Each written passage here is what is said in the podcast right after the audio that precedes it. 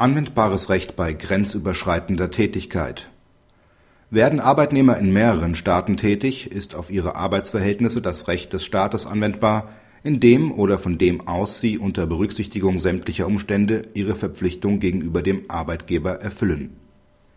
Der in Deutschland lebende Arbeitnehmer schließt 1998 in Luxemburg einen Arbeitsvertrag mit der Tochtergesellschaft eines dänischen Unternehmens.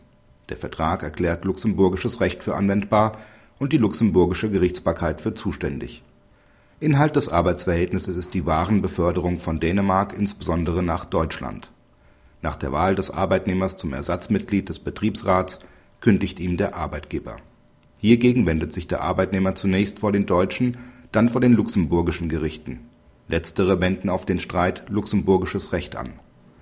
Mit einer Haftungsklage gegen den luxemburgischen Staat macht er sodann geltend das auf den Rechtsstreit nach Artikel 6 Absatz 1 und Absatz 2 des Übereinkommens über das auf vertragliche Schuldverhältnisse anzuwendende Recht im folgenden Übereinkommen deutsches Kündigungsschutzrecht anwendbar ist.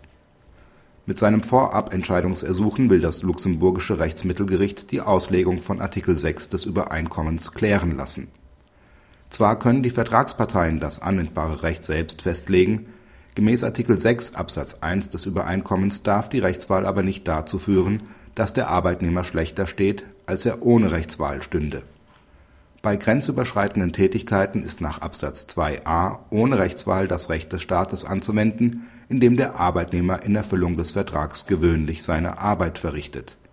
Alternativ ist nach Absatz 2b das Recht des Staates anwendbar, in dem sich die Niederlassung befindet, die den Arbeitnehmer eingestellt hat nach Ansicht des EuGH ist der Arbeitnehmer, der in mehreren Staaten tätig wird, schutzbedürftig.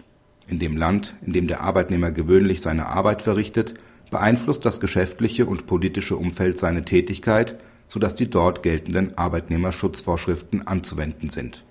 Daher ist Artikel 6 Absatz 2a des Übereinkommens weit auszulegen und Artikel 6 Absatz 2b nur anzuwenden, wenn der Staat der gewöhnlichen Tätigkeit nicht feststellbar ist bei der Feststellung des Staates, an dem oder von dem aus der Arbeitnehmer gewöhnlich tätig wird oder den größten Teil seiner Tätigkeit ausübt, sind alle das Arbeitsverhältnis kennzeichnenden Umstände zu berücksichtigen.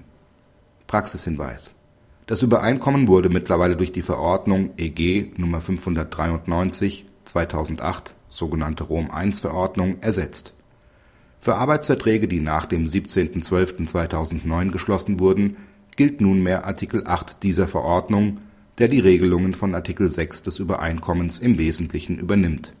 Bei grenzüberschreitenden Tätigkeiten muss der Arbeitgeber daher darauf achten, dass er keine Arbeitnehmerschutzvorschriften verletzt, die auf das Arbeitsverhältnis wegen des Ortes der gewöhnlichen Tätigkeit anwendbar sind